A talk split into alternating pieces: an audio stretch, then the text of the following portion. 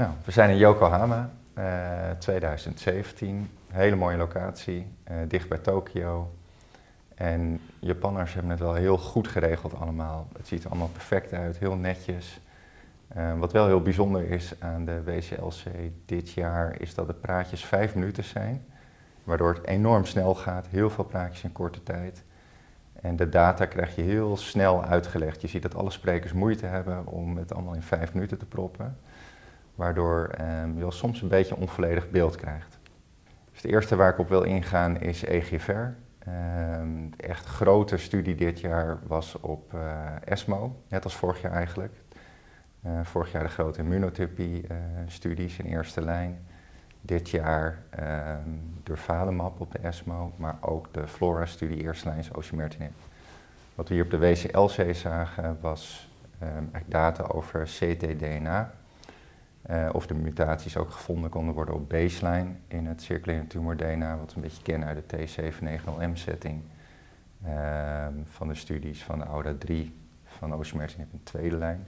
Uh, en daarnaast heel veel resistentiedata, zowel op circulaire tumor DNA, eigenlijk vooral, maar ook deels op uh, biopten.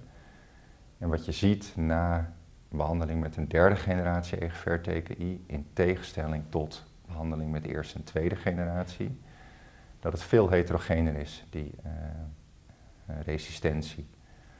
Na eerste, tweede generatie EGFR-TKI is het ongeveer 60%, 50, 60% T790M, waar je dan een mooie behandeling voor hebt met osimertinib. Maar je ziet dat na osimertinib-behandeling zie je soms een derde mutatie in EGFR, C797S. Daar hebben we nog geen goede behandeling voor.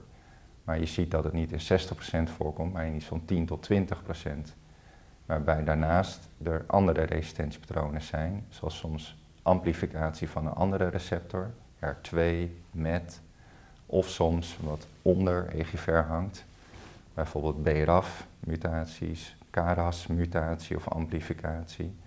In ieder geval veel heterogener. Er was hele mooie data over MET-amplificatie als resistentiepatroon op EGFR-TKI's. Niet alleen maar osimertinib, maar ook erlotinib of gefitinib. En met-amplificatie werd behandeld met een met-TKI, savolitinib, tezamen met osimertinib. Mooie responses, responsrate van zo'n 30%, maar de meeste patiënten lieten mooie afnames zien, waarbij dat soms ook heel duurzaam is. Dus dat is iets waar we heen gaan, een beetje wat we ook weer dit jaar op de WCLC hebben gezien van ALK. Dat je moet kijken naar de ALK-mutaties na behandeling met een ALK-TKI.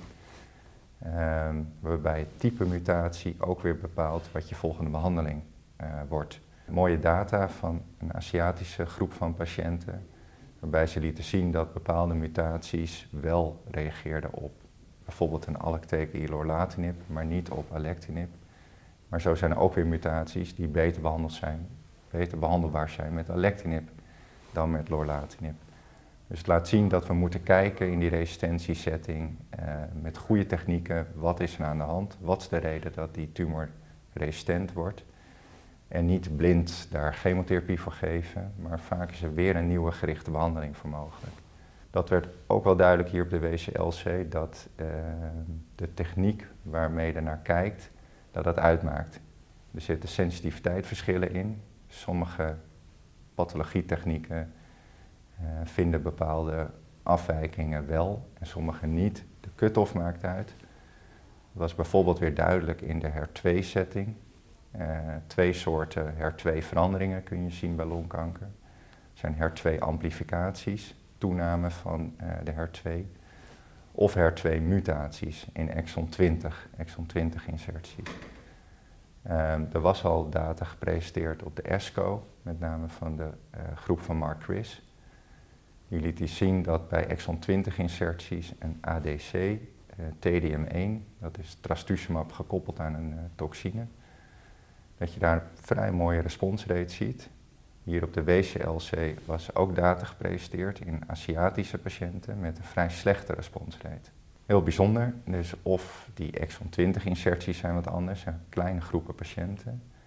Maar ook was er data zowel op de ESCO als hier over HER2-amplificatie waarbij ook op de ESCO wat mooiere resultaten werden gepresenteerd als hier.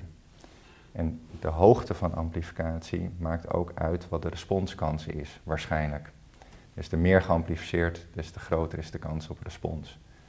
En de hoogte van amplificatie werd niet helemaal verteld hier. Dat was een beetje van die vijf minuten praatjes, dat je wel te horen kreeg van inclusiecriterium was amplificatie, responsrate was zo.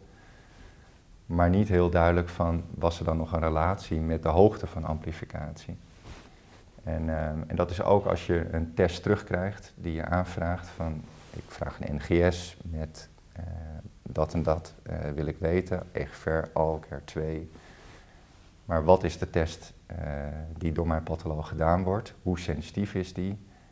En als de uitslag terugkomt, hoe interpreteer ik dat?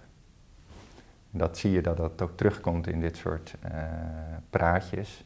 Ehm, en ook hoe je die data moet interpreteren, wat het betekent voor jouw patiënt die je voor je hebt.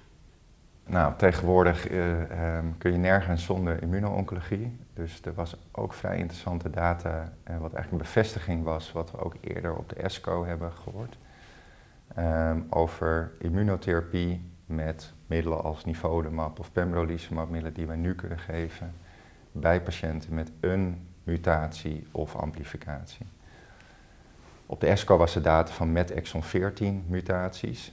Uh, iets wat we in ongeveer 2% van de mensen met longkanker vinden. Waanzinnig mooie responses op middelen als crizotinib. Werden ook behandeld met immuuntherapie. Vrijwel geen responses. Hetzelfde geldt voor EGFR. Bekend, hele lage responsrate. En hier op de WCLC was data van BRAF-mutaties. Ook extreem lage responsrates. We vinden twee typen BRAF-mutaties in longkanker. De helft is V600E dat reageert goed op BRAF-remmers. En in die patiënten was er eigenlijk maar één respons. In de non-V601-mutaties, echt een roken geassocieerde mutatie, waar we ook geen targeted behandeling voor hebben, die reageerde wat beter op immuuntherapie. Maar eigenlijk als je het heel globaal neemt, reageert ongeveer 10% van de mensen met een mutatie, zoals EGFR of ALK, BRAF, MET, reageert op immuuntherapie als ze hebben gerookt en PD-L1 positief zijn. Dus gerookt, PD-L1 positief en een mutatie reageert ongeveer 10%. Dus is een behandeling die je geeft na alle TKI's en na platinum doublet chemotherapie. En dan komt dat naar voren als een mogelijke behandeling. Terwijl als je kijkt naar EGFR positief, niet gerookt en PD-L1 laag of negatief, responsrate beneden de 5%. Dus dat is eigenlijk geen goede optie en komt pas zelfs na docetaxel.